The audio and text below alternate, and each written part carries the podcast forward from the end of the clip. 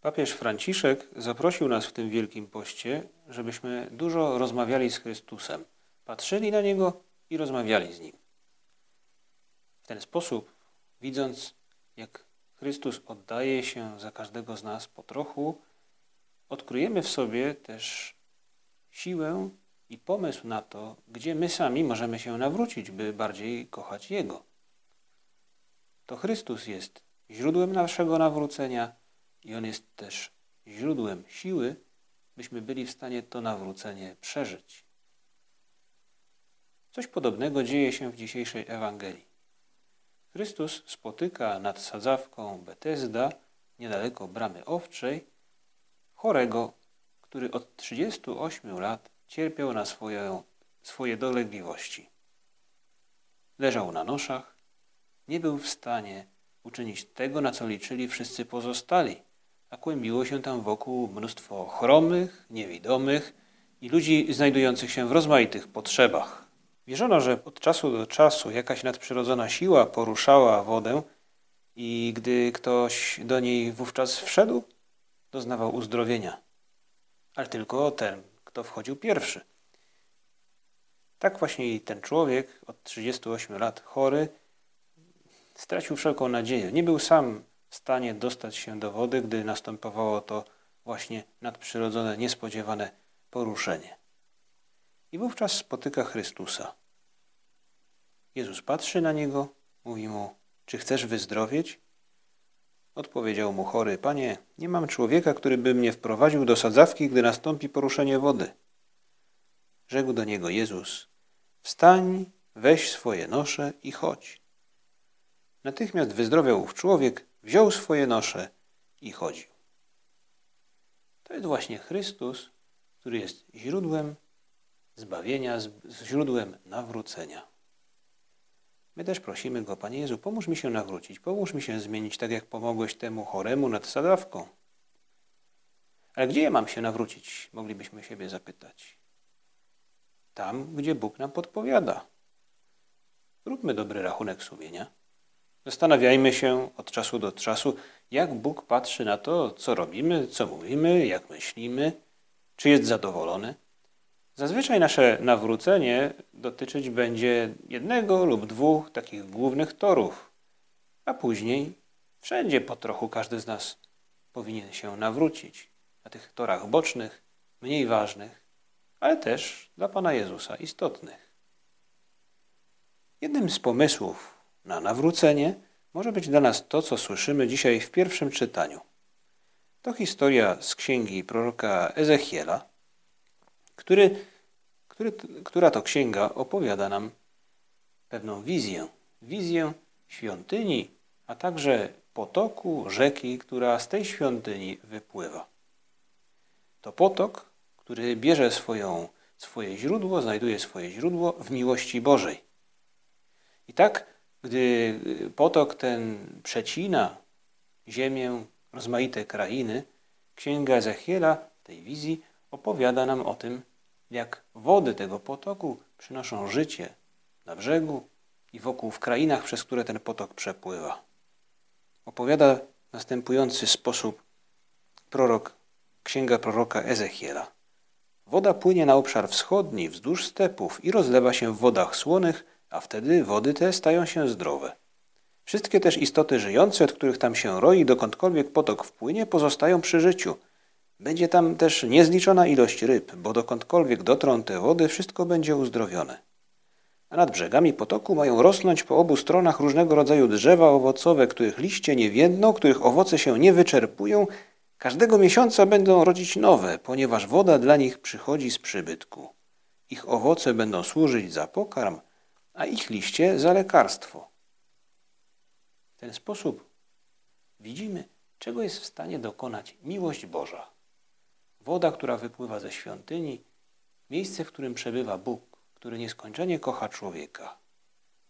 I ta miłość Boża, która dokonuje tak wspaniałych cudów, którą widzimy opisaną, które widzimy opisane w księdze proroka Ezechiela, ta miłość Boża to coś, co każdy z nas jest w stanie naśladować. Co więcej, nie tylko jest w stanie, ale Każdy z nas powołany jest do tego, by tę miłość naśladować. Stworzony został do tego, by tę miłość Bożą naśladować.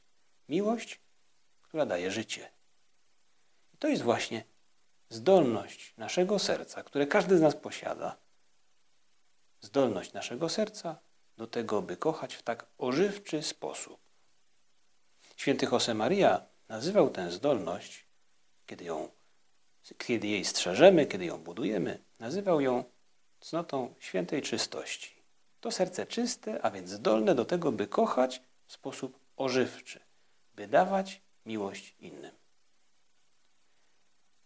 Dziś może być to pomysł na nasze nawrócenie. Spójrzmy, czy nasze serce, w jakim stopniu nasze serce jest w stanie kochać tak ożywczo. Jest serce też, które nie jest w stanie kochać ożywczo. Więcej, serce, które jest ciemnością, to serce narcyza.